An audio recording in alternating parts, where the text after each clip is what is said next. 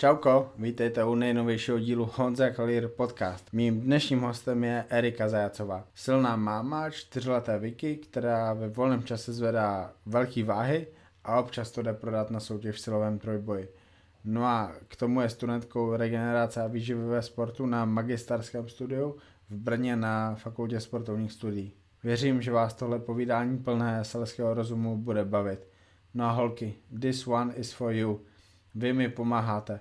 Vy reálně tlačíte Honza Clear podcast všude do světa. Tenhle podcast má sledovanost 75% u kluků a 25% z vás jsou holky, ale pokud jde o šerování tady toho podcastu na Instagramu, v Instagram Stories, přes Spotify, tak právě vy, holky, šerujete 90% těch příběhů a, a jenom 10% příběhů je od chlapů. Vy šíříte můj podcast a já se vám mohu odvděčit právě tak, že budu holky, ženy, vás spovídat častěji a častěji. Moc děkuju. Taky děkuji dvěma sponzorům mého podcastu, kterými jsou Foodu Bratislava, veganské bistro pro masožravce Brně. Teďka během koronaviru si můžete u nich vyzvednout obědový menu anebo si objednat cokoliv přes aplikace Volt a Bistro. Kde můžete taky dál nakupovat, tak to je prodejce nejkvalitnějšího oblečení ve světě kulturistiky a fitness, kterým je e-shop www.fitnesshouse.sk nebo CZ. S mým slovým kódem podcast můžete nakupovat oblečení značek Gasp a Better Bodies s 10% slevou. To je pro dnešní úvod všechno. Moje povídání s Erikou Zajacovou začíná právě teď. Ahoj všichni, vítejte u nejnovější epizody Honza Collier podcast. Dneska před mnou sedí zatím nejvíc stydějící se host Erika Zajacová. Erika, ahoj. Ahoj, ahoj. Čemu se chechtáš? Prečo sa hambíš? Nevím, hambím se. Erika je v podstatě už takovou členkou rodiny, zatím takovou externí jako, jako já eh, pro Buckovce, ale já jsem první, kdo Eriku dostal do podcastu i přesto, že ona je pozvaná do víc podcastů. Jaké to je, když se o tebe takhle skupkem přetahujeme, u koho budeš první, prvá podcastu? Zvláštné. Jak, jak se hambí, jak vůbec nehovorí. Uh, dobře, uh, ty pocity, když jsem ti napsal, jestli budeš prosím, prosím hostem v mém podcastu. Co to s tebou dělalo, na co si myslela?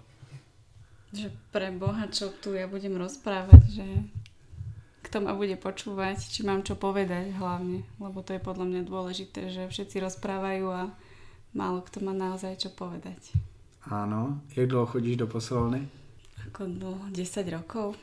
OK, to je možná prvý důvod, protože a, asi kromě možná pěti bikin na Slovensku, který už stejně nezávodějí, tak nikdo necvičí díl z těch lidí, kteří se v tady tom prostředí pohybují aspoň teda z té stránky fitness, protože silový sport je to něco jiného, tam ty víš, že to je na dlouho, ale z těch lidí, kteří se dostanou k mému podcastu, tak nevím, kolik holek cvičí díl jak 10 let. To jsou většinou nějaký 30-40 letý maminy, sportovkyně už od mala, ale dneska ty holky 4 roky cvičí a to je možná nadprůměr cvičíš dvakrát díl. Proč jsi začala cvičit v posilovně a jaký byly ty začátky? Mňa do posilky prvýkrát dostali spolužiaci ešte na Gimply, lebo som trošku pribrala a už som nebola úplne spokojná s tým, ako vyzerám. Chalani chodievali po škole si zacvičiť, tak som išla s nimi a celkom ma to chytilo. Ale tak to nebolo nejaké také cvičenie, že nejaký tréningový plán alebo niečo také. Ale po nejakom čase, možno nech to bolo pol roka, si ma všimol tréner Stano Januška, on, bol, on je teraz myslím štátny tréner trojbojárov a videl ma ako benčujem a že ty si silná, že poď za nás súťažiť. A ja OK, som... kolik ťa videl benčovať? To bolo nejakých 40 kg sa mi zdá. OK, to je na holku, ktorá v poslední tak krátkou dobu celkem dosť. Jak to pokračovalo?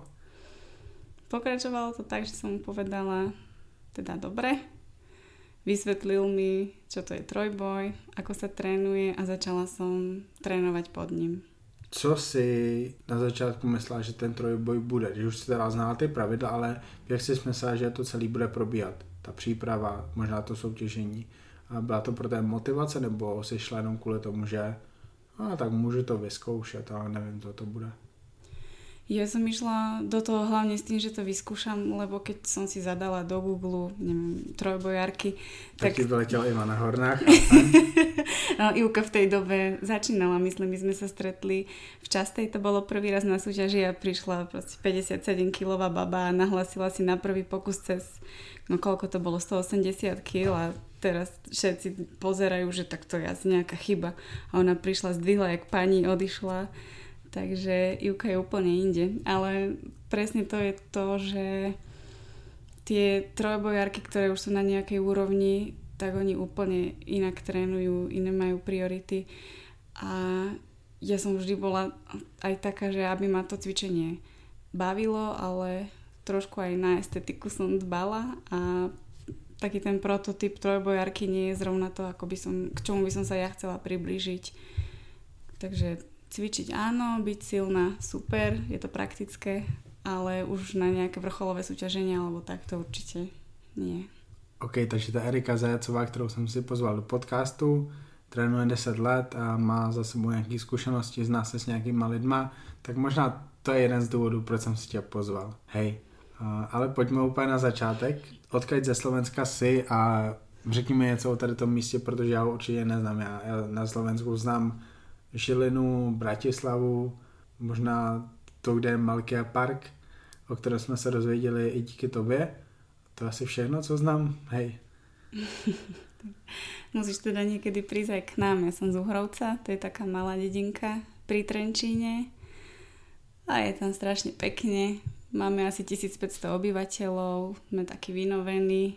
Je to tam také rodinné. Hovoríte stejným nářečím ako v Bratislave? Nebo máte nejaké svoje? Máme také svoje, ale stále si myslím, že tak v norme, že nám všetci rozumejú nejako na východe. Mně stále Maťa hovorí o tom, že hovorím jako záhorák nebo z takového, takže já se pořád učím. Maťa hovorí jako záhorák. Oh. Krížený s nějakým angličanom. Oh, čo je toto? Shots fired. Oh, možná, z toho, možná o tom pokecáte u nich podcastu do Buca Talks. Uvidíme. Oh, to by bylo něco, kdyby se dostala ještě do Buca Talks před viac než fitness podcast. To tvoje dětství, malinká vesnice, to musí být úplně něco než jak vyrůstají děti teďka ve velkých městech, co? Áno, áno, my sme... A ja neviem, ako vyrastajú vlastne vo veľkých mestách, ale u nás to bolo také, že sme boli stále vonku, ale cítiš určite to, že si na dedine, že tie možnosti aj tie očakávania ľudí nie sú také vysoké, ako keď si v meste. Predsa len máš na výber, na okolí možno dve stredné školy, jedna základka a to je všetko. Znáš všechny deti z tej vesnice asi? A myslím, že áno, že vtedy to bolo také, že sme sa všetci poznali, boli sme jedna, dve partie, chodili sme von, takže my sme väčšinu detstva strávili vonku. Byl šport nějaká přirozená věc, ke který se dostala, nebo to bylo třeba těžší kvůli tomu, jestli byla z vesnice? Ja si myslím, že tým, že my sme vyrastali na dedine a boli sme stále vonku, tak to bolo také nejaké prirodzené. U nás v rodine nikto nejako extrémne nešportuje, mamina, tá nie je vôbec športový typ, tatino chvíľu tancoval, ten chodí na turistiky, ale nikto nerobil taký ten organizovaný šport. takže to bolo také, ale ja som vždy tak inklinovala k športu, že som bola z našej rodiny taká najšportovejšia. Asi aj doteraz som. Byl prvý šport a nebo tanec? Rozmýšľam. Asi tanec. Maťa mi ukazoval nějaké fotky na Instagramu nebo na Facebooku z toho tance. Um, my v Česku máme taky podobné tradice, protože to, co ty si robila, to je určitě hodně o těch tradicích. Nevím, jestli z té vaší oblasti nebo celkově slovenský o, o co šlo v tady těch tancích, v tady té tradici? No ja som tancovala najskôr vo folklore v Uhrovci. To bol taký, taký dedinský malý súbor, kde sme chodili viac menej sa zabaviť. Vedúci nás naučili nejaké zvyky. Potom som začala chodiť e, normálne do Zušky, to bol klasický tanec, nejaký jazz. Tam sme sa postupne a tam sme tancovali také všetko možné, tam som chodila, myslím, 7 rokov to bolo. A na čo asi ty narážaš, tak to bol folklor, ale tam som netancovala, ale som hrala na husle. Ah. Takže... To tě to, to se taky musel asi hodně složitě učit, protože to se člověk nenaučí jen tak. Jak tě to bavilo v té době? Bolo to zaujímavé. Nešlo mi to veľmi. Ja som bola z toho nášho súboru taký najslabší článok, ale tak ostatní ma ťahali, my sme boli dobrá partia, tak bola to taká ďalšia výzva. Mhm. V té době, když mohlo být těch 7, 8, 9, 10, tak uh, to mě bylo trochu víc. A jak, jak populární v té době možná začínal být nějaký hip-hop dance a takový ty holky v teplákách, který tancují vlastně do dneška takovým trošku jiným stylem, ale přijde mi, že to začalo být v Česku a na Slovensku populární před, těma takovýma 15-17 rokama. Toto asi mňa úplne, že obišlo. Úplne. My sme mali, keď sme boli možno siedmačky, tak bola taká éra, ty emo, tam všetci chodili v čiernom, my sme mali v triede asi 4-5 bab metalistiek, úplne, že čierne linky, celé čierne oblečenie, ale taký hip-hop a to nás, to nás nejako obišlo, alebo mňa aspoň teda. A ty sa nebola emo, hej? Boli nejaké pokusy, také Oj, ofinky, ale nebola som nikdy úplne emo. Kokos, emo. To emo je věc, na kterou určitě zapomínám, ale vždycky se na ní vzpomenu. Hlavně, když to teda někdo připomene, nebo když vidím nějaký mím na, na internetu, a to, to bylo zajímavé. Znal, znal, znal jsem pár takových kluků ještě asi 4 roky zpátky, protože ty měli background, jakože to emo a pak jsem je viděl posledně a říkal jsem si, jo, no tak pořád mu tam něco z toho zůstalo jako ta ofinka. A mám jednoho klienta, Matěho zná, z Kutný hory, který taky má historii v emo, občas dává takové fotečky na Instagram. A je, to, je to zajímavý, je to zajímavý. A to byli i lidi o tebe z vesnice, Emo? Áno, áno, tam wow. to fičalo dosť vtedy. Koľko, čo na to rodičia, pamätáš? No moja mamina bola úplne proti, takže ja som aj preto asi nikdy nebola úplne emo, lebo som mala zakázané nosiť samé čierne veci, ale ostatné baby chodili fakt, že to boli hrubé linky okolo celého to oka, pekla. reťaze. To byly ty kabáty s řeťazama, viď? Oni to mali také namixované aj s metalom, myslím, že úplne ani nevedeli, čo to znamená, len to niekde videli. No tak... jasné. Na to byly asi special e-shopy. A Gothic style něco takového taky? Áno, áno, áno, hey. také niečo namixované. E-shopy, neviem ti povedať v Úhrovci. Či sme sa v tej dobe my dostali nejakým e-shopom, to som mala koľko rokov? 13. Hey. To bolo veľmi také v začiatkoch. Kokos. Jakože občas vidím někoho ve městě doma, jaký ten kabát a a ty řetězy já prostě nechápu a, a ani si neuvědomím, že to je to emo, protože prostě úplně to mám z hlavy pryč. V podcastu je tady to téma úplně poprvé, takže wow, co, co přijde dál. Zajímavé. No a pak teda ten šport, jaký byly první športy, ke kterým se dostala a fakt tě bavili, že, že si třeba i trénovala? Joj, hádzana ma veľmi bavila. Ja keď som bola asi v 8. triede, tak v Úhrovci založili hadzanársky klub dievčenský, lebo sme tam boli celkom taká šikovná partia báb a videli, vtedy myslím telocvikári to boli, že by z toho niečo mohlo byť, tak ten dotiahli hadzanárskeho trénera a myslím inak, že nám to celkom išlo, ale ja som musela prestať, ja som mala problémy s kolenami, mala som hypermobilné, doteraz mám vlastne, takže mi povedala ortopedka, že buď môžem ísť na operáciu a vtedy by som mohla hrať, pokiaľ chcem hrať nejako vrcholovo. Ale tak čo som mala 14 rokov, rok som hrala hádzanú, ja som nevedela a bala som sa operácie, tak som na to sa nakoniec vykašľala. Házená jako fotbal, to je, to je šport, který může být strašně populární tím, jak je jednoduchý v pravidlech, i když je trošku složitější jak fotbal, ale hlavně prostě dáváš tam góly a musíš být hodně tvrdá Což asi je pak s každým dalším jakoby nějakým výkonnostním stupněm nebo věkovou úrovní ještě, ještě jakoby víc důležitý, že se nebojíš do těla, protože já když vidím ty chlapy, co prvé mají 100 kilo, za druhé prostě do sebe skáčou, dávají si kolena, lokty, to je, mm. to je jakoby někdy šílenější, když to rozhodčí pouštějí, když ten rozhodčí nastaví takový, že volnější rozhodování, tak uh, fu, to je, to je hodně, hodně dobrý sport my když jsme hráli na tělocviku ve škole, tak mě to strašně bavilo, protože hej, prostě musíš zase obejít toho chlapa jeden na jednoho, můžeš dávat krátké přihrávky, což je hodně vymakaný, nebo můžeš dát dlouhou přihrávku, když to umí zase, když jsou tam mladší lidi, tak dát dlouhou přihrávku je jednodušší, než a když to umíte víc a hrajete to nějaký dlouhý roky, fu, to je dobrý sport. A neznám moc lidí, co by hráli házenou. Mňa to bavilo hrozne, ale ja som bola na krídle. Ja som mm. nebola vlastne tá spojka alebo pivot, čo fakt sa musia predierať, hey. že sú takí tí väčší. Ale ja som si len tak behala po kraji a to ma bavilo, lebo ja som tie šprinty mala celkom fajn. Ja som vždy bola taká osvalenejšia, som mala z toho mindraky, že mám veľké lítka, mám veľké ramena. Ale tak tam sa to hodilo. A ty si byla ten, co tam doběhnul do rohu, pak to stočil do středu, áno, vyskočil, ležel, ležel, ležel, čekal a pak, a pak to hodil nějak, tí, nějakou tou spodní, nevím, jak jsem říkal, prostě ze spruje jste tam hodili k tyči. Áno, áno, to ja. Hrozně krásný sport na sledování taky. Taký rýchly, dynamický, hej, hej. krásný, hej. No a tam si teda možná už teda zjistila, že máš sílu.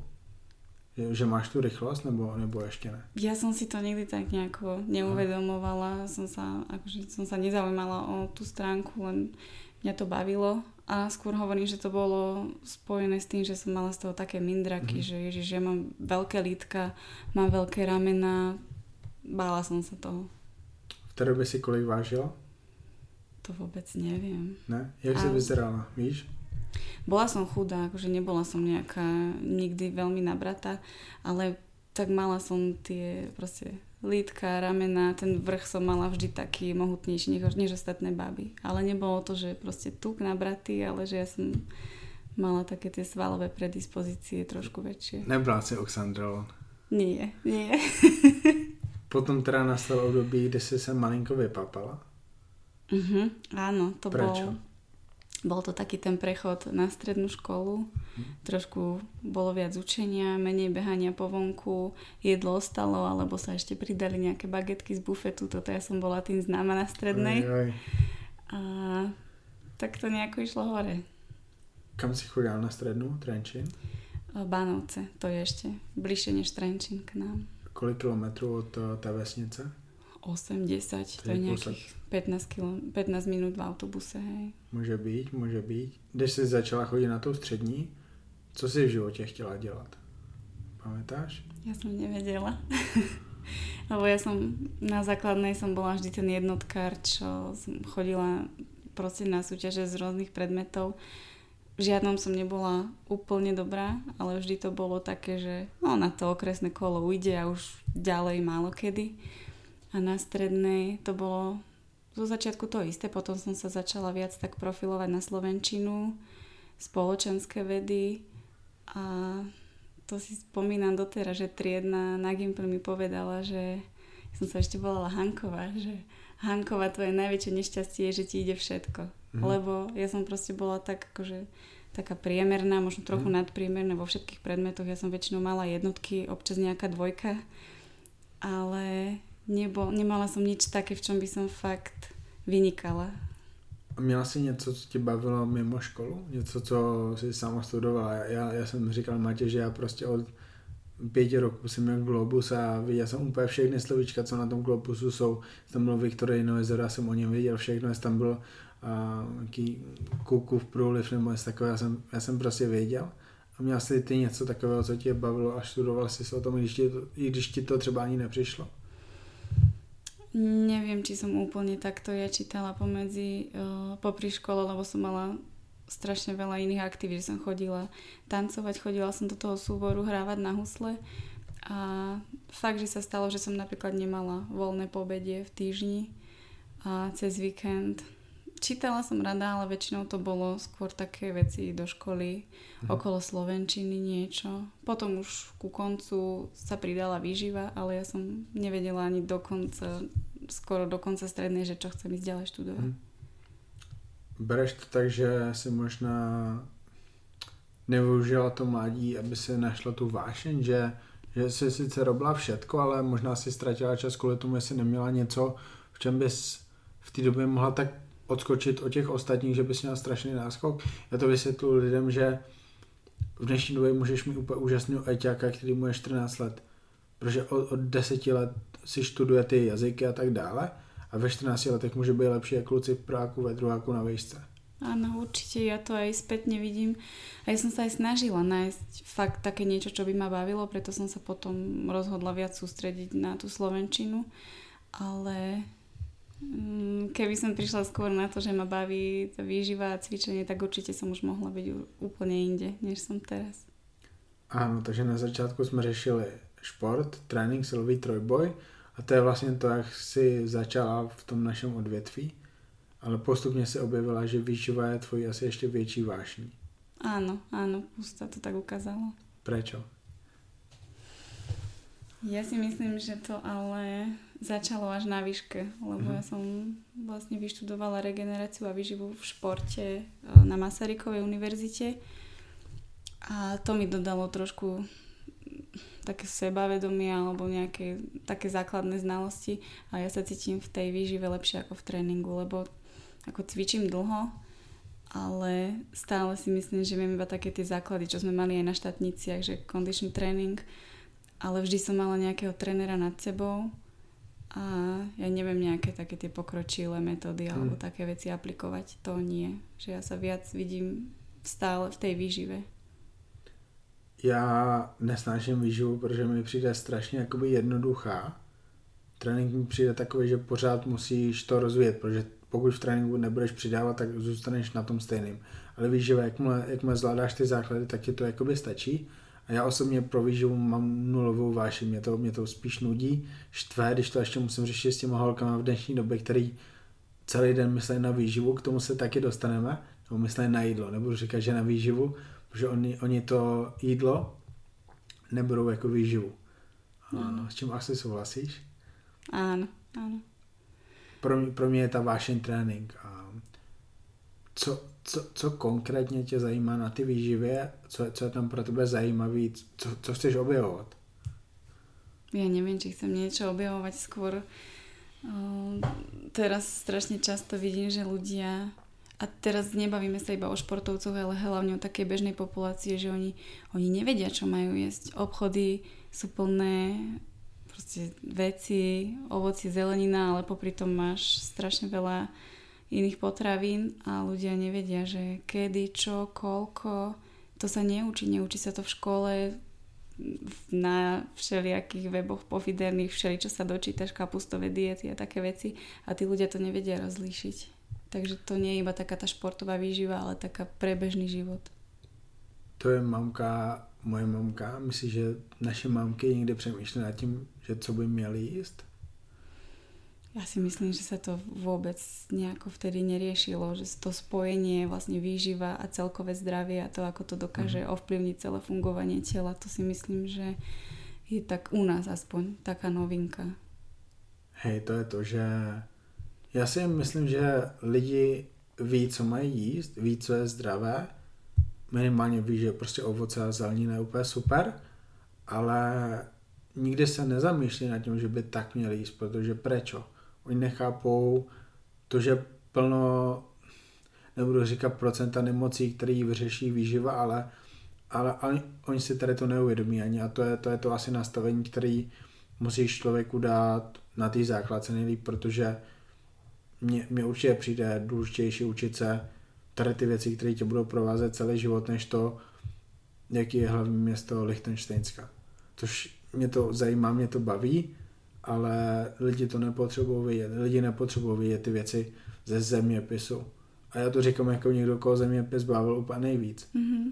Jak by se měla ta výživa vyučovat? Od, od kedy? Ja si myslím, že taký ten základ už by mali dávať rodičia úplne, úplne najmenším deťom. Ja to vidím na svojej malej, že ona už teraz pardon, vníma, áno, tak zeleninu, ovocie jedávame pravidelne, musíme to mať, k tomu jasné, tak má sladkosti a ja jem sladkosti, ale stále je to také v rámci normy, že máme široký záber, ale nie je to iba o výžive, ale o takom celkovom životnom štýle, že sa hýbeme, ideme von, že nesedíme iba doma na gauči, nejaká psychická pohoda, spánok, ono je toho strašne veľa, čo zaváži. Cerka sa menuje Vicky? Vicky, áno. To je Viktoria? Viktoria. Viktoria nebo E? Viktoria. Viktoria. O, veľmi pekné, veľmi pekné. Um, dodržuješ stravu víc kvôli tomu, že máš dceru, ktorý musíš jít příkladem? Nie. nie. Nie, to nie. Ja som mala v strave už jasno, aj vďaka škole, predtým, než som mala malú, takže to ide tak nejako ruka v ruke. Že skôr sa snažím jej ukázať, že takto je mamina, takto je niekto iný, nie je to zlé, ale my nebudeme celý deň jesť iba čokoládu a čipsy, môžeme si dať, ale to hlavné u nás je niečo iné. Jak často si dáš něco, co je považováno za ten junk food? A každý deň trošku. Čo je trošku? 4 kocky čokolády, dajme hmm. tomu. No, ako by povedal, že aj 5. Hej, môže byť. A bramburky? O, to veľmi nie. To nie. Vicky občas o, to má také, nechcem povedať, že odmenu, ale je to pre ňu taká špeciálna príležitosť, že sa na to teší tak občas. Možno raz za dva týždne. Kolupieš? Áno. Vicky? Vicky nie. Prečo? O, kolu by som jej nedala, kvôli kofeínu určite, aj napríklad No, nedala by som jej ju. Ale ona ani napríklad sladené veci veľmi nepije. Je to mm. nechutí, že nie som taká, že by som si trhala vlasy, keď by vypila džús alebo niečo podobné. Ale veľmi to... Ona si vypýta čistú vodu alebo mlieko. Mm. Co by si Vejke nedala k jídlu? Nikdy? Nikdy? Neviem. Víš, jsem Majka? Nie nějaká taková pašika, ale taková velmi nekvalitní, co se prodává, ani nebudu říkat Aha. Protože Lidl je super, ale možná jakože v kraji. Takové věci. Viem, čo myslíš, ale ako keby si zjedla jeden natretý rožok, tak asi by som sa ja z toho neposkladala. Br- bravčová kůže ve složení, nevadí? O, nech si dá, keď je chutí. Tak nemá to každý deň. Takže není něco, by si jí vloženě nedala, nedala k jídlu. Nie, zase m, napríklad tú kolu, to som taký zastanca, že kofeín deťom na mhm. čo? Mm-hmm. Nie. Takisto alkohol, ako dávajú napríklad penu z piva alebo obliznúť, tak to by som ja určite nedala. Ale ostatné také veci, pokiaľ ona to nemá každý deň v tom jedálničku, tak by som sa toho nebála, že ochutnať, vyskúšať. Jak ty myslíš na stravu? Protože já jsem narážel na to, že v dnešní době hodně, hlavně díky Instagramu, jsou holky, které celý den řeší jídlo, ani možná ne to, že co budu jíst, ale co bych mohla novýho ochutnat a o co bych se mohla podělit na Instagramu, protože mi to přinese asi tady těch 20 nových lidí, kteří zaujme tady ten recept. A jako důsledek je to, že tady ty holky celý den musí myslet na jídlo kvůli tomu, že musí, musí, musí, kvůli Instagramu, kvůli lajkům, kvůli followers, kvůli tomu, protože lidi jsou zvyklí na to, že ty holky tady to budou dávat a oni v důsledku mi se nejídlo tolik, že ho musí pak porušit, protože už jim z toho jebe. Áno, ono je to, je veľmi tenká hranica medzi tým, kedy vymýšľaš nové recepty, myslíš na jedlo a medzi tým, kedy ti z toho fakt prepne. Že ja mám to jedlo, ako teším sa na jedlo a ja rada jem, ale nie je to u mňa také nejaké, že nedokážem myslieť na nič iné. Alebo že idem si teraz na jedle zháňať lajky. Proste viem a dúfam, že to nejako zle nevyznie, ale proste viem, ako mám jesť, tak tak jem. A mm. vychutnám si aj ja jedlo, dobré jedlo, ale nie som taká, že teraz idem s kamoškou na branč alebo tak, to určite nie. Hovorí ti Kupko o tady tom problému někdy, protože podle mě Kupko to musí řešit každý týden několikrát kvůli tomu, že on ty klientky určitě má, má takové to. Já mám, nevím, jestli třetinu nebo půlku klientek, co má Kupko, ale řeším to několikrát každý týden a fakt mě to štve, protože na jídlo se nemá myslet. Jídlo si máš ráno rozvrhnout, tak budeš jíst, aby si věděla, aby si věděla, že OK, dneska jsem v pohodě, mám tam všetko, nebudu mít hlad, budu mít uh, z čeho dobře regenerovat, ale ne, oh, bože, ještě, ještě ty kostky, jak si je tam dám, kolik kostek čokolády a můžu si večer dát ještě tady to kinderko, můžu, nemůžu. Uh, povídá ti o tom Kupko? Občas niečo spomenie, ale nie je to také, že by mi vyložene hovoril, že klientky, aké majú problémy, ale tak sme viac menej z jednej branže, tak občas sa rozprávame. A ja som mala inak niekedy také stavy, keď som si fakt zapisovala každé sústo. Ono je to super škola, keď si zapisuješ kalórie, koľko si, že tak ďalej, ale nemyslím si, že to je vhodné úplne plošne pre všetkých ľudí, že ono potom fakt sa pristihne, že on rozmýšľa, že bože, čo by som ešte mohla zjesť, ešte tu mám 300 kalórií, čo si za to dám a možno ani nie som hladná, že by som to nemusela dojesť, alebo by som to zvládla dojesť nejako rozumnejšie. Já jsem vždycky jakoby jedl úplně stejně. Já jsem si nemusel nic zapisovat, ani jsem nemusel nic vážit a počítat, protože OK, koupil jsem si půl gramu, půl kila kuřecího masa, mám to na tři jídla. OK, proč bych vážil ty jídla, protože však jedno, jestli budu mít teďka 150 a potom 190 gramů masa, pytel těstovin na den, tak ten má vždycky 500 gramů těstovin, takže jsem si vlastně nic nevážil, OK, na tady ten měsíc přidám jeden kus ovoce, pomeranč, jabko, banán, to má přibližně 20 gramů sacharidů, takže já jsem tady to fakt nemusel řešit, ale jak podle tebe k tomu mají přestupovat ty lidi, který, pro který je možná problém to, že to musí počítat, tím pádem to musí řešit, tím pádem na to musí myslet. Ja by som hlavne uvažovala, že či vôbec takíto ľudia by si to mali zapisovať, či najskôr netreba dať dokopy ozaj hlavu, alebo možno hľadať nejaké iné možnosti. Nie zrovna počítanie, ale tak sú aj napríklad nejaká kontrola porcií, podľadlanie, ruka, niečo také. Že by som mm. nešla striktne iba po tom počítaní kalórií. No, je to taká zložitá téma, fakt toto. Co, co to znamená, že možná by to neměli počítat?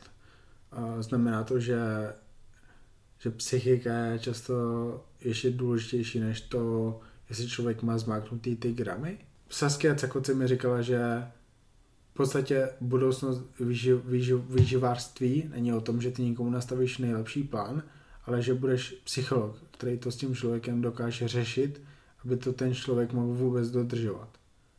To je to. To je, to je pekná myšlienka a plus ešte si myslím, že je dôležité naučiť tých ľudí byť vyživárom vlastne sami sebe, aby mm. vedeli, kedy, nie že ani že kedy, ale hlavne čo a koľko majú mm. jesť, lebo to je u každého individuálne.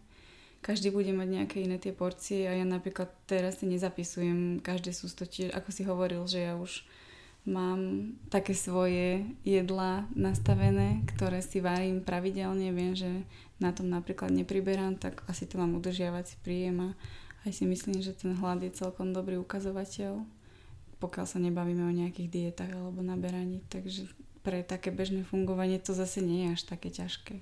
Mm. Už niekomu radíš se stravou? Tak občas s námi, keď sa opýtajú. Jaké to je? Je to zodpovědnost? Nebo tím, že se třeba jenom opýtají, tak to nemusí být taková zodpovědnost? Hm.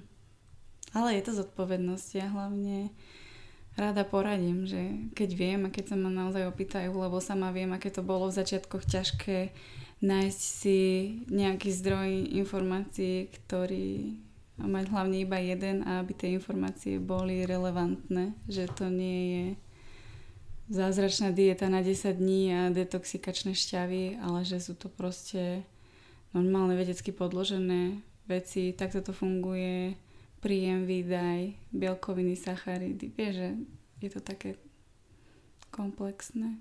Je to komplexné a je to jednoduché, nebo je to složité? Ja si myslím, že pokiaľ človek nemá nejaké extrémne ciele, buď čo sa týka diety alebo nejakého vrcholového športovania, tak ono je to fakt strašne jednoduché, keď sa naučíš základy. A keď strašne dobrá škola je naozaj si nejaký čas sledovať, koľko čoho zješ a hlavne si zapisovať, spraviť si taký prehľad, že čo má koľko kalórií a ono to potom už nejako nabieha samé. Je to individuální, opravdu je pravda, že na každého funguje něco jiného? Ja si myslím, že na nás funguje to isté, ale určite, teda minimálne čo sa týka, že chudnutie, naberanie, tam ten kalorický príjem bude vždy to, čo bude rozhodovať. Uh-huh. Ale myslím si, že individuálne už je potom to zloženie makroživín u každého. To môže byť iné. Niekto lepšie funguje na vyšších sacharidoch, niekomu proste robia tráviace problémy, tak to musí nahnať na tukoch. No. Co vás učili na škole o tady tom konkrétně? To znamená, OK, někdo bude mít třeba 60% kalorií ze sacharidu a někdo může mít těch 50% třeba z tuku. Učilo vás o tom něco? My sme rozoberali, hej, takéto rozloženie makroživín, ale ostalo to viac menej v tej rovine, že je to individuálne, tu sú nejaké rozmedzia odporúčaní, ktoré sú osvedčené, ale takisto sa to môže líšiť uh, jednak pri športoch, pri konkrétnych ľuďoch. Tam je strašne veľa faktorov, ktoré, ktoré treba zohľadniť. Jasně, cyklista prostě bude mít víc sacharidů než uh, nějaký průměrný člověk, co chodí do posilovny třikrát týdně. Když ti ten cyklista bude 15 hodin týdně jezdit na kole. Ten by se ti asi na nejakom low carbe moc nepoďakoval. No. Aj keď sú určite aj takí, ale... No určitě, určitě je takhle plno cyklistů, kteří nejí skoro vůbec nic a nejsou to nutně ty anorektici, závodníci, kteří musí mít 52 kg, aby pře- přejeli Alpy nebo Pyrené. Hej. Neměli jste tam, učili jste se o tom, kolik musí vypít během závodu vlastně a třeba i sacharidy? Áno, hej, mali sme aj, aj pitný režim, lebo ono je to viac menej založené, zamerané celý ten odbor na športovú výživu. My, my sme brali aj takú, také základy klinickej výživy, a pre takú bežnú populáciu, mm. ale mali sme veľa predmetov o športovej výžive, takže mali sme pitný režim, sacharidy počas výkonu, toto všetko, hej. Tvůj názor, anebo to, co vás učili ve škole o keto diete? Keto dieta je len proste ďalšia dieta. Ona pôvodne, myslím, bola vymyslená na liečbu epilepsie. Mm. Tam má celkom dobré výsledky, ale paušálne o nej hovoriť, že zlepší vám zdravotný stav a iba na nej schudnete, tak to si myslím, že nie je správne. Že to už je taký prehnaný marketing. Každopádně může být OK, že kdyby, kdyby Maťa si řekla, že bude keto, je to v pohodě? Pokiaľ by na tom odjazdila všetok triatlon, tak nech ide do toho. Želám jej veľa šťastia, ale stále si myslím, že pri tom intenzívnom výkone, aký napríklad aj Maťa má, tak ty sacharidy jsou alfa, omega. Mm. A je nějaká v dieta, o který vám říkali, že tady to fakt ne, to, to není správně sestavený? Fú, dieta podľa krevných skupín, akože takmer mm. nulový nejaký vedecký background, potom rozmýšľam. Také tie rôzne, tá delená strava, Atkinsonová dieta, mm. také tie zónové, kedy sa demonizuje jedna skupina potravín alebo makroživín, tak to fakt nie. To, je, to nie je dobrá cesta. Na to pan doktor nebo paní doktorka nebo pan profesor dal také razítko, že bullshit. áno, áno, môžeme povedať. Dobre. A dáme zpátky k tomu trojboji. Ten tě asi začal hodně bavit, ne? Protože ty si u něj vydržela celkem dlouho. No ja som mala aj celkom dlho pauzu, lebo ja som vlastne medzi tým otehotnela Takže ja som bola dokopy možno nejaké 3 roky mimo a súťaži som začala možno po dvoch rokoch, takže mm. to nie je nejaké extrémne množstvo súťaží, čo ja mám odsúťažené a vôbec si nemyslím, ja vôbec ani na Slovensku proste nepatrím k tým mm. lepším trojbojárkam, len to robím, lebo ma to baví, že tá atmosféra na súťaži a taký ten cieľ, že niekam sa posúvaš, tak to ma tak ťaha dopredu rozhodně nepatříš k těm nejlepším, ale určitě si už nadprůměr, protože máš zdvihnutou svoji hmotnost na bench? Mm, rozmýšľam. Nahrávke ešte asi nie. Aha. Ale no, s dresom áno. Aha. A i si vyzkoušela. K tomu se můžeme dostat. Každopádně ty se na blížíš té svojí hmotnosti na bench, což je velký nadprůměr máš přes dvojnásobek svých hmotnosti na deadlift, což je to, k čemu se může dostat každá holka, ale skoro nikdo se k tomu nedostane a ty se možná teďka budeš blíže k trojnásobku. To nevím, takže rada by som, ale... 150 je reálný během pár let asi. Vzhledem k tomu, jak se zlepšila v poslední době.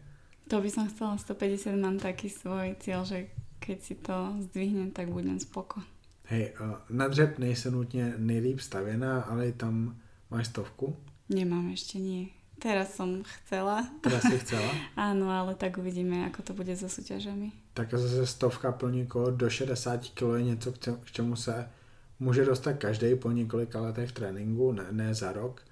ale zase nedostane se k tomu skoro nikdo ne pod paralel a ty tam jakoby bys tam byla možná teďka toho čtvrtého čtvrtý, kdyby byla ta soutěž. Smerovali jsme to tak, hej.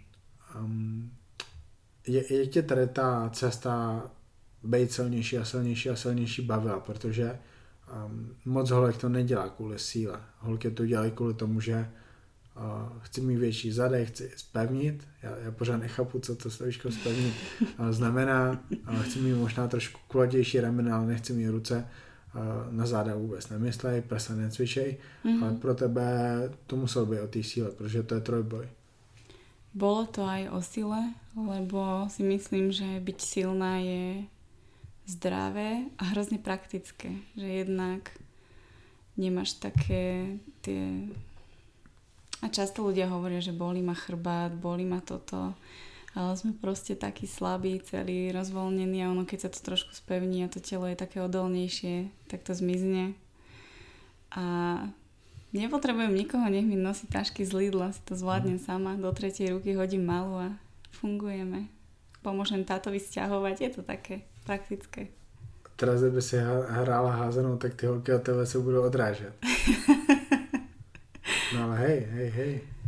Možná. Ta, ta síla v nohách, to prostě je tam. Já pamatuju si, když jsem asi dva roky nehrál fotbal, pak jsem přišel, já jsem 93 kg a ty 120 kg dětkové, co do mě napadaly, tak padaly na zem. Prostě. To, tak jsem nadával, že falujou a teďka mohli falovat, co chtěli, a prostě kopli do mě a nic. Ja zahrala by som si veru hádzanú. Po Futbal, takej dobe. Futbal? Nie. nie. Maťa stále machruje, že je strašně dobrá. Tak, tak Maťa má ale trénink dobrý. Ve fotbale? No, nie. Veď chodí. Nechodívajú s tatom? Ještě ona říká futselu fotbal. Fotbalu v hale. Aha. To, je, to ani nebudu k něčemu přirovnávat, to je hrozné. Pamatuješ si tvoje Maxka z první soutěže? prvej súťaže. Pamätám si hrozný fail, čo sa nám stal. Ja neviem, nepamätám si, koľko som zapísala na drepe, myslím, že 90 to bolo, ale to bolo, to nebola rávka, to bolo normálne s dresmi. A po druhom pokuse mi začal o, tréner obmotávať bandážami o, kolena. A skončilo to tak, že vlastne ešte som nemala ja ísť, hrozne silno mi to utiahol, mne to bolelo. A tak som úplne vypustila ten tretí pokus, tú stovku, tak som zapísala len 90. On nahnevaný, ja nahnevaná, takže to bolo také, ale tak potom sme sa na tom spolu zasmiali. Ale presné čísla, to si nepamätám. Niekde na diplomoch doma. Ty si trénovala v drezu a bandáži? Mm, v bandaži som mávala zo začiatku, hej, pri tréningu, lebo tak ja som chodievala, ja som cvičila pod stanom, takže on vždy tak nejako si to zobral a rozmýšľam, v drese som často nebývala, to keď sa blížila súťaž, mm-hmm. tak poď vyskúšame tento, ale ja som to moc nemala rada, tie hey, modriny všade, ťa to ťaha, že som radšej mala takú tú čistú silu. V drese už nikdy nepůjdeš, viď? Nie, už nepůjdem v drese. Čo si myslíš o tom? Já, já prostě říkám, že, že vůbec nechápu, proč by v tom někdo zavodil, protože čo to vlastně je? To je jako to je jako dát si nějaký šprint eh, v botách, který ti budou víc odrážet, ale jakože znatelně víc. A ještě se vlastně musíš naučit s tím drezem, což uh-huh. jakoby neplatí ve, ve športech. Ty športy jsou o tom, že to je takové, že pure, čisté. Kor takový jednoduchý športy, jako je sprint, skok do dálky a tak dále. Nepřijde mi, že by to bylo bezpečnější. Což byl jakoby takový argument, že to, co ramena vydrží u toho bench pressu, prostě není tolik, ale v tom drezu ti to jakoby chrání kvůli tomu, že ta spodní fáze je lehčí, jo, mm-hmm. proto ti to ten spodek katapultuje nahoru. Takže já v dnešní době prostě nechápu, proč by někdo dělal ten trojboj v drezech, kromě toho, že asi je tam jednodušší získat medaile. Co ty si o těch drezech myslíš teďka? Ja som robila asi pred rokom rozhovor s Dominikom Filom, do Muscle Fitness a on to povedal tak veľmi pekne, že ak si silný, tak to ukáž bez dresu, lebo súhlasím s tebou, čo si povedal, že ja v tom, aspoň teda ja osobne v tom nevidím nejaký veľký zmysel, že sa teraz navlečieme do dresov a spravíme, neviem, no, mne sa to moc nepáči, keď ma, uh, ale ja som nebola s tým zžitá, ja som proste nevedela v tom drese tlačiť. Ja si pamätám súťaž, kedy som zapísala vlastne až tretí pokus, lebo tie prvé dva, tým, že som netrenovala v drese, som sa vôbec nedostala ani na hm. hrudník položiť činku, že to bolo, je to úplne uh, iná mechanika toho cviku potom, aj treba inak s tým pracovať. Neviem, no, mne sa to nepáči moc. Jak se zlepšila za poslední dva roky v tom trojboji? To znamená za to období, kdy se asi zase začala brát trošku vážnic. Nezajímá mě asi nutně to soutěžní maxko, protože ten poslední rok si neměl možnost to vyzkoušet, ale za ty dva roky, kde si třeba začínala na dřepu, kde si teďka bench, deadlift, to samé. Rozmýšľam, lebo si asi nepamätám úplne tie presné čísla ale zlepšila som sa veľmi, akože odkedy mi začal Jakub robiť tréning a odkedy sme sa aj v škole o tom začali trošku učiť, že nakoľko je dôležitý celý ten systém a rešpektovať, e, ako prebiehajú tie adaptácie, aký stimul musíš dať, tak je to, je to poznať, lebo fakt akože veľa ľudí cvičí a oni nevedia, prečo tak cvičia. Ja tiež niekedy nie, ale môžem sa stále opýtať na to, že je dôležité proste tomu rozumieť. Můžeš se pýtat a postupně vědět víc a víc, ale nějakou dobu třeba nemusíš vědět, prečo robíš toto, ale důležité to robit, když máš někoho, komu můžeš věřit. Ano. A to ty teďka máš. Pamatuju si, že asi před měsícem Kupko dával nějaké video z Legpressu. Pamätáš? Hej. A o co šlo? Ja som mala na leg prese, myslím, že 12 opakovaní spraviť na RP 8, to znamená, že nejaké dve opakovania v rezerve. A on ma tak sledoval, neviem čo, som tam mala 90 kg sa mi zdá naložené. A hovorím mu, že fuj, tak toto bolo tak 8,5, isto, 9, max. A Kubo hovorí, že toto bolo 4, že tam si mala ešte 6 v rezerve. A hovorím, že není možné. A že ďalšiu pôjde so mnou. No, tak išiel a mal pravdu. Ako Kol- vždy. Kolik si dala? Ježiš, 16 to bolo. Víc. Viac, hej? Hej, víc. Ja vôbec dala. neviem. Ja som... Možná 19 dala. A ešte to odložila ty si ešte pořád měla rezervu 2-3. Ja som vôbec nevedela, že on to natáča. A keď som odložila a som zbadala ten jeho výraz, on pre Boha rýchlo to zase odrekni, lebo bude zle. Něco podobného bolo i na súťaži s deadliftem. som sa rozplakala. Prečo? Ja som mala druhý pokus a nepamätám si už presne koľko to bolo, ale nahlásil mi, aspoň ja som mala taký pocit, že strašne veľký skok, že mi nahlásil 117,5 kg a ja neviem, či som vôbec na tréningu niekedy zdvihla, že 105 dovtedy. A ja som sa rozplakala, že mi pokazil tretí pokus a nakoniec to dopadlo tak, že jsem to zdvihla. No.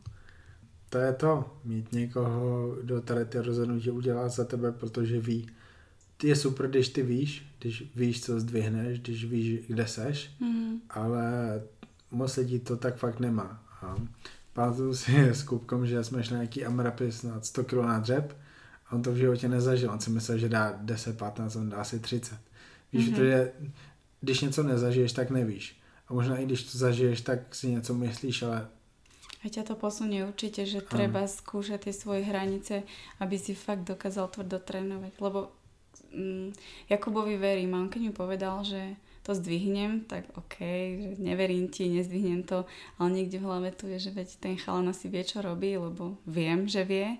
A išla som do toho pokusu s tým, že tak buď mi tam roztrha platničku ale nepustím tú činku, lebo mi Kubo povedal, že to zdvihnem, tak to zdvihnem. No a nebol to nejaký technicky krásny pokus, ale tak som to zdvihla. Takže jaké je to pro tebe být trénována tvým přítelem? Protože jak jsem já zmiňoval, jak jsme to my, my, i my s Maťou měli podcast, my prostě nemůžeme. Maťa mě nepočúvá a když je s tebou a s Kupkem v poslovně, nebo když byla, tak počúvá, protože Kupkovi neřekne to, co mě. A já k ní můžu být jak ní nemůžu být tak tvrdý jako na nějaký moje klientky, kterým řeknu oni se netroufnou mi nic říct. A Maťa odmlouvá, říká ne a prostě to neudělá. A nebo, nebo ještě má v hlavě prostě to, že to nezdvihne. Ale v tom pokusu nesmíš mít v hlavě nezdvihnu to, ale zdvihnu to, protože trenér mi povedal, že to zdvihnu a trenér ví nejlíp. Ano. Takže jaký je to pro tebe být trénována tvým přítelem? Pre mňa je to... Ja myslím, že my to máme také v tomto oveľa lepšie ako vy, že ja sa snažím, nie že snažím, ja ho rešpektujem ako trénera. Fakt, fakt uh, si ho vážim a som rada, že sa na tom podiela, že mi proste napíše ten tréning, že ma učí stále nové veci, ukazuje mi um, techniku, proste také rôzne Vlastně mně se nikdy nestalo, že by mi klient odmlouval. Mně se stalo to samé, co Kupkovi, že klient položil činku, jako ty si položila leg press, a já řeknu OK, teďka si dej teda ty dva nádechy, ale pokračuju dál. Ale, ale Maťa mi prostě řekne ne a začíná vymýšlet argumenty, které jsou absolutně irrelevantní, ale pro, pro ní to jsou ty argumenty, proč to ona neurobí. Je, je pro tebe zodpovědnost uh, dodržovat to, co ti Kupko pově? Nebo je to třeba i stres? Neviem, či stres, ale tak je to zodpovednosť a aj také, že si vážim tú jeho robotu. Ja si fakt vážim, že on mi napíše ten tréning, že ten tréning má hlavu a petu a že funguje. A pokiaľ ja by som to nedodržiavala, tak to nemá potom zmysel. A on vie, že ja som tak všeli ako cvičievala. Ja keď som sa dostala dva razy do posilky do týždňa, tak to bol pre mňa proste vrchol, keď napríklad mala bývala často chora. Mne bolo blbé nechať ju máme doma, že mami postaraj sa mi o malú, ja idem cvičiť. Ale tak teraz sme to nastavili tak, že som chodievala trikrát, ale už som to mala tak zoradené v hlave, že mám tri tréningy, tak idem. Proste mala to raz prežije s babkou a je to aj taká zodpovednosť voči nemu, že nie len Proste nie je to na tréneroch, ako si všetci myslia, že nefunguje mi tento plán, tak je to trénerová vina, ale treba sa na seba pozrieť. Áno, a zároveň třikrát týdně stačí. Ty teďka nebudeš o to dostat se na 200 deadlift, ty tam nemusí řešit strašný detaily spojený s regenerací, protože když trénuješ třikrát týdně, tak asi regeneruješ hodně dobře. Áno. Pokud se ti nestane, že půl roku nejdeš výpady a pak je dáš potom půl roce. Um, lebo pre mňa, a prepáč, že ti skáčem do reči, ale pre mňa už napríklad trojboj alebo cvičenie nie je nejaká priorita, je to taká prirodzená súčasť života, ale nie je to, že ja teraz pôjdem 5-6 krát do posilky, akože keby som na to, nie že mala čas, ale keby to pre mňa bola priorita, tak si ten čas nájdem, ale ja už to skôr beriem ako také niečo prirodzené, že OK, tak trikrát je to taký čas pre mňa, ktorý si vyčlením tak tam idem, ale myslím si, že trikrát do týždňa, ja keď mám celé telo, tak ono to úplne stačí. Co je pro tebe ten trojboj? Je to, je to seberealizace, není to to mm, plnění nějakého životního cíle, protože tady to tvůj sen asi není, ale co to teda je a, a jak dlouho to může mít tady tu roli ve tom životě? To znamená, můžeš to dělat dalších deset let, bude to příjemný, nebo a třeba víš, že za dva roky už bude stačiť. A ja si myslím, že to môžem ešte dlho potiahnuť, hlavne kvôli tomu, že proste to nerobím vrcholovo, že to je také rekreačné nezaťažujem si nejako extrémne s tým kluby, že by som potrebovala neviem akú regeneráciu a že by som za pár rokov bola úplne mimo. Ale pre mňa je to jednak taká psychohygiena, že človek fakt vypne na tom tréningu, ale aj si človek okusí také hranice, že fakt hlavne na tých súťažiach tam ideš na hranu, lebo nemáš na výber, proste chceš si spraviť maxko, chceš nejaký rekord si zapísať, tak ideš do toho a tam zistíš, že kde sú tvoje limity a na ďalšej súťaži zistíš, že wow, ja ich môžem prekonať. Vieš, že je to také, stále sa máš kde posúvať a hlavne je to súťažíš sám so sebou. Nie je to, že tvoj výkon je závislý od spoluhráčov alebo od niekoho iného. Aj celkovo na tých súťažiach je taká fajn atmosféra v tomto, že sa fakt podporujú, že tam nie je nejaká závisť alebo niečo. Proste všetci sú tam za seba. Překonávání sama sebe, hledání limitů, jsou to abstraktní pojmy pro někoho, kdo to nevyzkoušel, nezažil. A jak bys, jak bys popsal ty pocity v tu chvíli, kdy ty zažiješ něco, co jsi ještě nezažila. To znamená, dáš si novej, novou maximálku pro pět opakovaní na dřepu, nebo dáš si novou maximálku na soutěži. Jaký je to pocit a, a jak dlouho ten pocit přetrvává? Ja by som nepovedala, že to je taká nejaká extrémna eufória, ale skôr sú také, také puzzle, že ono sa ti to tak uh, poskladá a ty zistíš, že dokážeš viac, ako si myslíš. Že ono, takto to znie ako také pseudomotivačné keci, ale dokážeš z toho potom strašne veľa čerpať do života. Prvý zhyb, pamatuješ si? Prvý zhyb? To často bývá uhlek úplně, že mega pocit a měl jsem tři holky, které se mnou dali prvý schyb a oni, oni všechny úplně vyjukli v poslední, nebo vyjekli, úplně zakřičeli. Jsem nechápal, jsem to nečekal, skoro jsem se leknul a, a byla, to, byla to obrovská radost, protože je to ta věc, o které si mysleli, že ji nikdy v životě nedokážou. Přitáhnout svoje tělo nad hrazdu, pro někoho, kdo nešportuje, tak nechápe, pro někoho, kdo se dostane do posilovny, je to holka, která má dlouhé ruce, tak to je nepředstavitelný úkol. Hej, neviem, či si pamätám úplne prvý. Pamätám si prvých 5. To v Úrovci na ihrisku detskom. Mm. Mala sa šmíkala a ja som išla, že musím to teraz vyhecovať, idem si spraviť 5 zhybov. A neverila som, že sa to podarí, dovtedy som išla tak 2-3, ale tak sa podarili. To už je, to už je badass, 5 chybů, to už je velký těžký nadprůměr na holku. Ale ty máš taky dlouhý ruce. Takže... Mám, hej. Si, hej. Ozaj, však minule si hovoril na hej, deadlifte. Na benči, na benči. Či na benči to bolo? Možno tak na deadliftu i na benči Keď som skúšala poznáš. ten sumo deadlift, pamätáš? Hej, hej, hej, hej. Jaký je to pocit, když dopadneš dobře na soutěži v silovém trojboji? Protože bikiny po soutěži jdou jíst. Je, je to pro té pocit, že OK, konečně mám hotovo teďka dojíst a žít? Ježiš, my jeme celú dobu na tej súťaži, takže jedlo nie. Neviem nejako to neprežívam tým, že nikdy to nie sú nejaké prvé miesta alebo extrémne výkony, tak proste zapíšem si väčšinou rekordy osobné a viem, na čom som a na čom môžem stávať do budúcna a ideme sa zlepšovať ďalej. Poslední soutěž si měla sice ro, ale šla si kategorii, která byla v drezech, ne? Áno, ja som išla bez dresu, ale vlastne tak, boli, boli dresy povolené, že to bolo equip. Hej, to bolo v častej. Možná proto nebylo to umístění. Hej, uh, jak, jak moc uh, tě bolí, že nemůžeš závodit teda za ten týden, 4. v zvoleně? Vo zvolenie to malo byť, áno.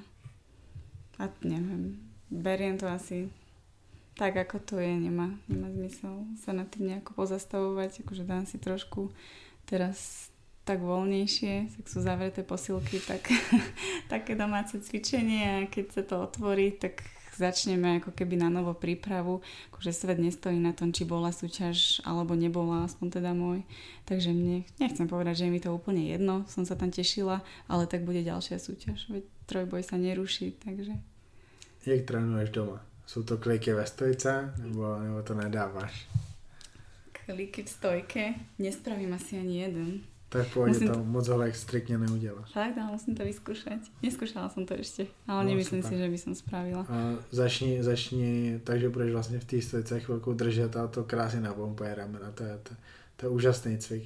Jakože stabilita ramen, pozor na zápěstí, jestli jsi měl problém mm-hmm. s mhm. ním. Možná jakoby neradím tě, aby si zkoušela hnedka, že to fakt je těžké na ty zápěstí, ale je to, to parádní cvik. A jsem to jezdil, myslím, že i jako rozcvičku před uh, benchem mm-hmm. a trošku jsem ještě teda tam protašoval tu hrudní páteř nahoru, abych tam měl... Kvůli mostiku? Hej, hej. Mm-hmm.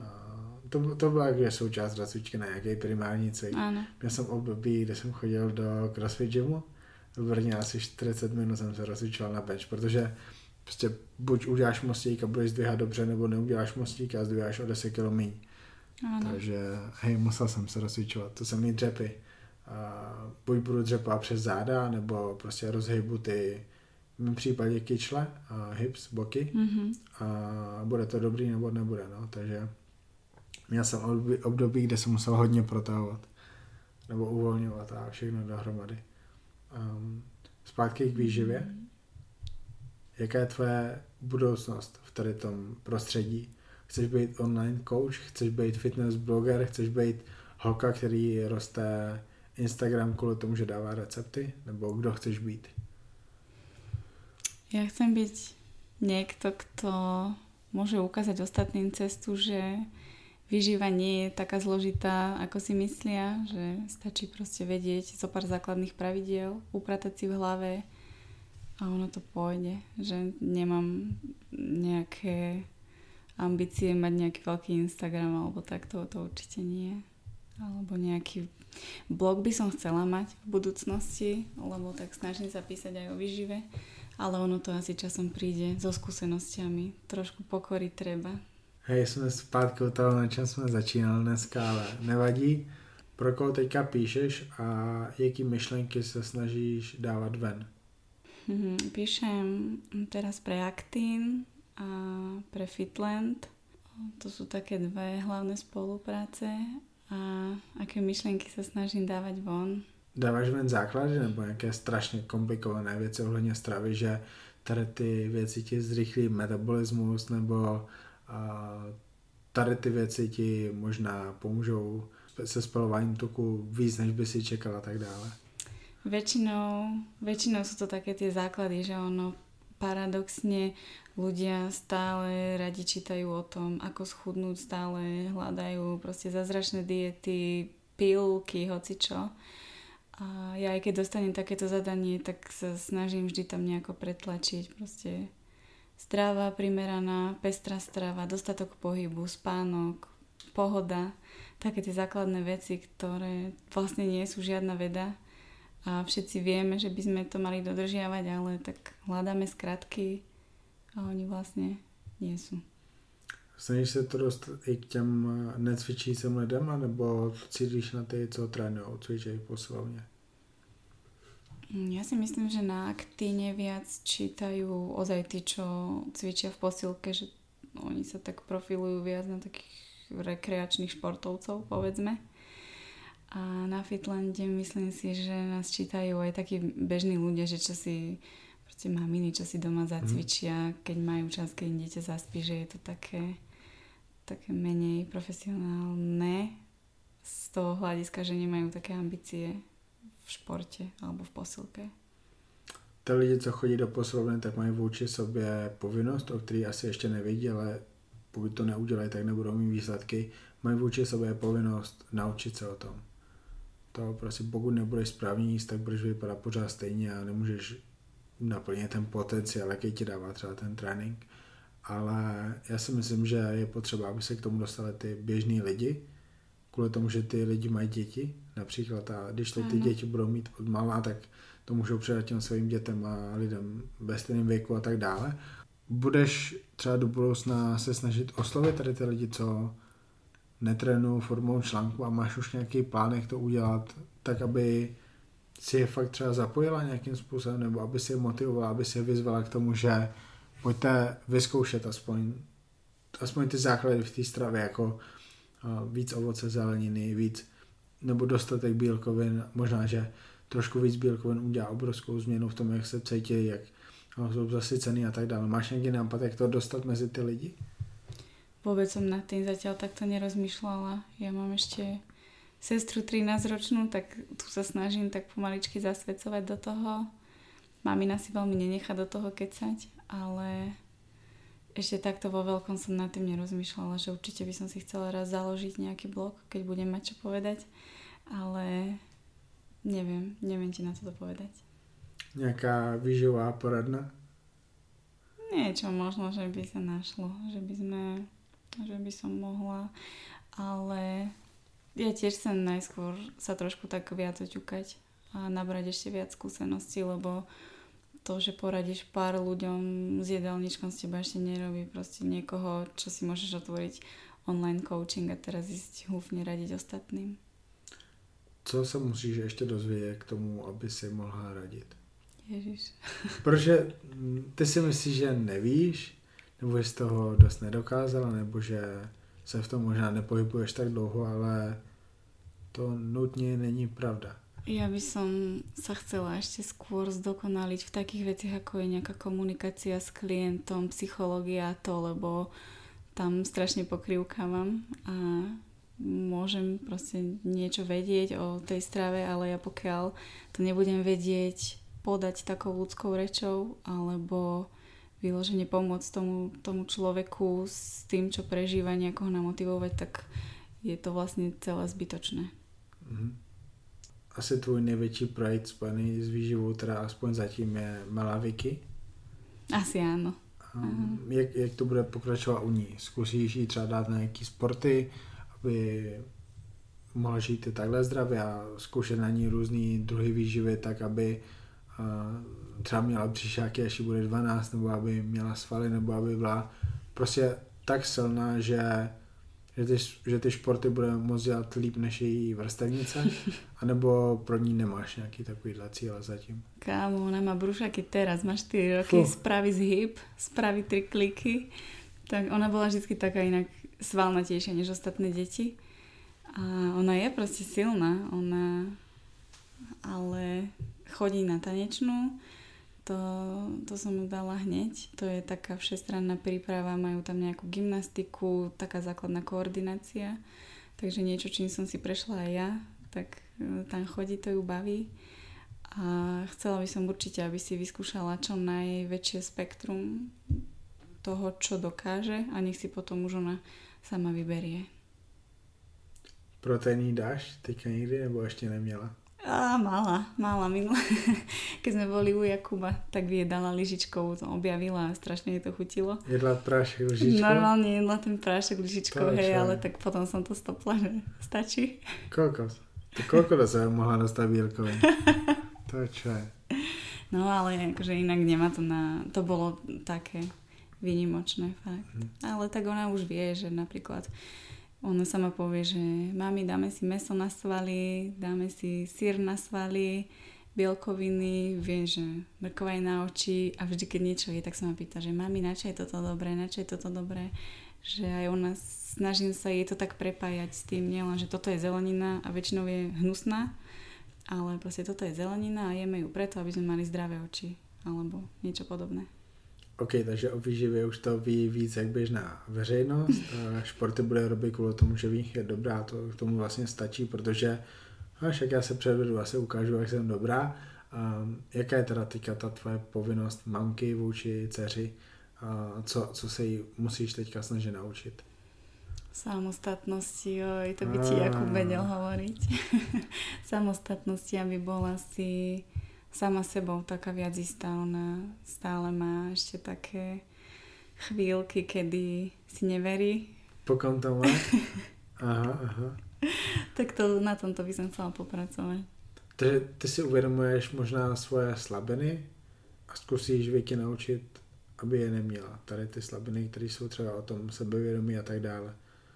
Áno, áno, určite sa budem snažiť, aby rozmýšľala tak vo väčšom, že nielen v rámci Uhrovca a čo môže dosiahnuť tam, alebo mm. že teraz som najlepšia na škole, kde je 150 ľudí, ale aby proste myslela viac globálne a aby dokázala do budúcna využiť všetky tie možnosti, ktoré dnes má.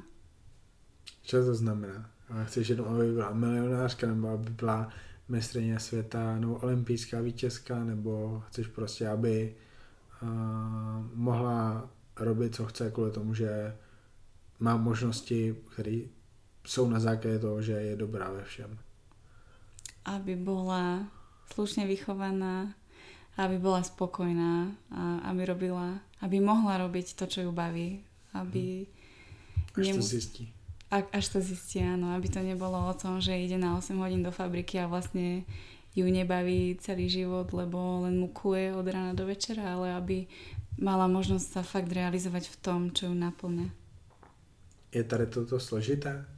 Byť mámou je toto nejtěžší? Je to také, je to ťažké, určite to by som klamala, keby som povedala, že nie. Ale ja si to užívam. Bože, myslím, že tie deti nám to každý deň oplácajú oveľa, oveľa viac. Um, co je s ní nejsložitější? V čem Leze ti niečo na, nervy, alebo to tak nefunguje? Joj, tak aj ona ma dokáže nahnevať.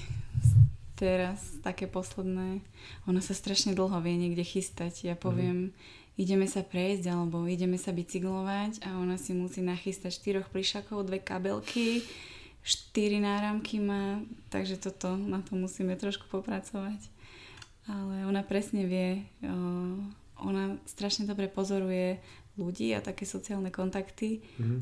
a dokáže, nie že vyvolať konflikt, ale, ale zaujímajú to a ona presne vie, na ktorú mm. strunku treba brnknúť, aby Kokos. vyvolala takú nejakú reakciu, ktorú chce. To jak dlouho už má tady tu schopnost? To je hodně zajímavé. U 4 leta? 4 roky má. Ja wow. všímam si to možno tak posledného pol roka, keď už aj trošku to myslenie sa tak mm-hmm. mení, dospieva. Fú, to, to může být strašně zlobré. Může se naučit a kluky udělat přesně to, co ona bude chtít. To je, to je hodně zajímavá schopnost. Fú. A u, už měla prvú pusu? Akože myslíš? No mala frajera, Hej. ale nevyšlo to, no. lebo prestal chodiť do škôlky. Dostal kiahne a hotovo. Som sa, že, že ho predbiehla v niečom nebo něco takového. Nie, nie. Prestal chodiť do škôlky, takže bolo mm. po vzťahu. OK, zajímavé, zajímavé. Um, kedy bude další súťaž? Už víš, nebo ešte nevíš? Nevieme vôbec. Odsunuli sa súťaže, aspoň čo ja viem, že sa budú riešiť na jesenú sezónu, ale tak priorita sú tie medzinárodné súťaže a národné majstrovstvá. Uvidíme, či nám nechajú. Jaký článek teraz chystáš? Pre Actin som robila rozhovor s jedným psychologom z Anabel Centra o poruchách príjmu potravy. Ten, ten by mal výsť, ten je taký celkom podarený. A prečo nechudnem, aj keď jem strašne málo. Mm-hmm. To je taká téma, možno aktuálna pondělí bych měl nahrávat podcast s jednou holčinou, která vlastně ten nejčastější případ klienta, jaký já mám. Přijde za mnou holka, která tři roky všetko robí špatně, nabrala, schudla, nabrala, schudla, je strašně málo, ale pořád je tučná. A tím, že to robila tak dlouho, tak už je zoufala. A myslí si, že OK, teďka konečně schudnu, protože se jdu platit trenéra.